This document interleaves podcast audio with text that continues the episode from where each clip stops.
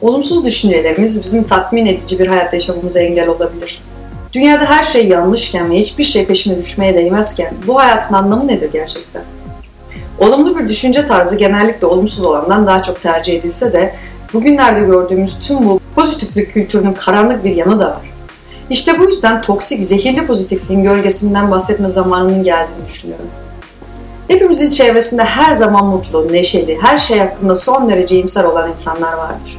Sorunlar ne kadar büyük ya da küçük olursa olsun onların yaklaşımları net ve olumlu özdeyişlerle donatılmıştır. Başa çıkmaya çalıştığınız belirli bir durum hakkında onlarla konuştuğunuzda onların klişeleşmiş, basma kalıp tatlı iyimserlikler serpiştirerek sorunlarınızın bir anda ortadan kalkması gerektiğini düşündüklerini fark ederiz. Eşin seni terk mi etti? Üstesinden geleceksin. Ağır bir hastalık teşhisi mi kondu? Olumlu o. O kadar çok kez aldatıldım ve yalana maruz kaldım ki artık insanlara güvenemiyor musun? Bu kadar olumsuz olmayı bırak. Başkalarına mutluluk ve acıdan kurtulma dilemenin yanlış bir şey olduğunu düşünmüyorum. Aksine bu nedenle bu tür ifadelerin samimi ve içten olduğuna şüphem yok. Ama aynı zamanda cehaletin yeterince yakından bakıldığında o kadar da mutluluk verici olmadığını görebiliyoruz. Ancak sorun şu ki bu sözler hayatın tartışılmaz bir parçasının bir nevi inkarını içeriyor. Acı. Zehirli pozitiflik negatif olanı görmeyi reddetmek demektir. Odadaki fili görmezden gelip sadece olumluya odaklanmak. Gerçekle olduğu gibi yüzleşmek yerine yapay gülümsemeleri ve istenmeyen her şeyi halının altına süpürmeyi tercih etmek. Antik stoacılar belirli bir olay hakkındaki düşüncelerimizin olayın kendisinden ziyade duygularımızı nasıl etkilediğine dair kapsamlı incelemeler yapmışlar. Epiktetos, insanlar nesnelerden değil şeylerle ilgili oluşturdukları ilke ve fikirlerinden rahatsız olurlar. Örneğin ölüm korkunç değildir. Aksi takdirde Sokrates öyle görünürdü. Ancak terör bizim ölümün korkunçluğu hakkındaki fikrimizden kaynaklanır. Stoacı perspektife göre pozitiflik bir anlayış, bir düşünce tarzıdır.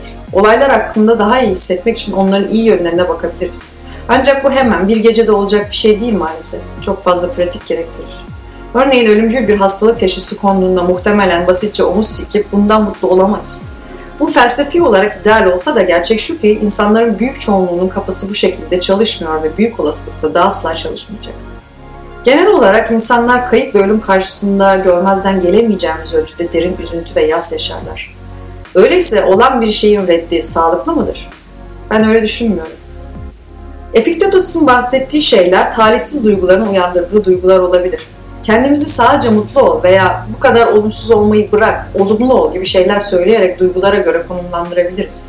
Ancak bunun zor kısmı olumlu bir zihin durumu ve mutluluk deneyiminin daha çok tercih edilebilir olmasına rağmen olanı yani keder, üzüntü, öfke gibi duyguları reddetmek ve onaylamamanın şu andaki zihin durumumuza daha da kötüleştirecek olmasıdır.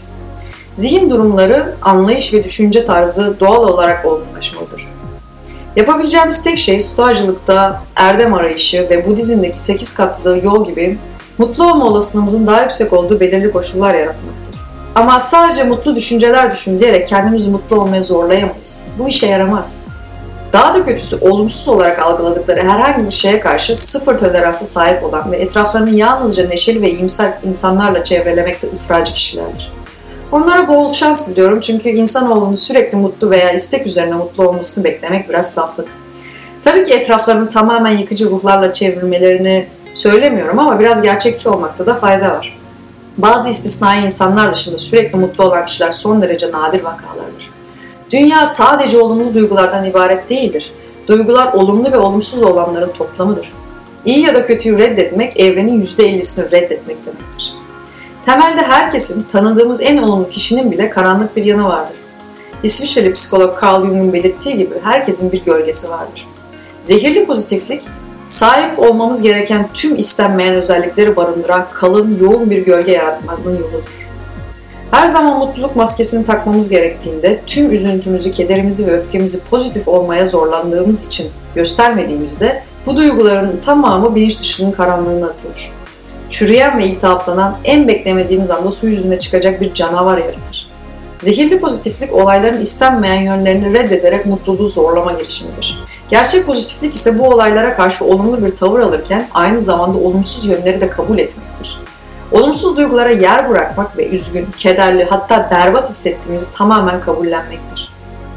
Üstesinden geleceksin yerine Bunun zor bir durum olduğunu anlıyorum ama geçmişte başa çıktın, her zaman başa çıktın ve yine başa çıkacağına eminim. Senin için yapabileceğin bir şey varsa lütfen bana söyle diyebiliriz. Böylece toksik pozitifliği gerçek pozitiflikle yer değiştirerek insanların hissettiklerini hissetmeleri için izin veririz. Eğer insanların hislerini inkar edersek onlara nasıl yardımcı olabiliriz?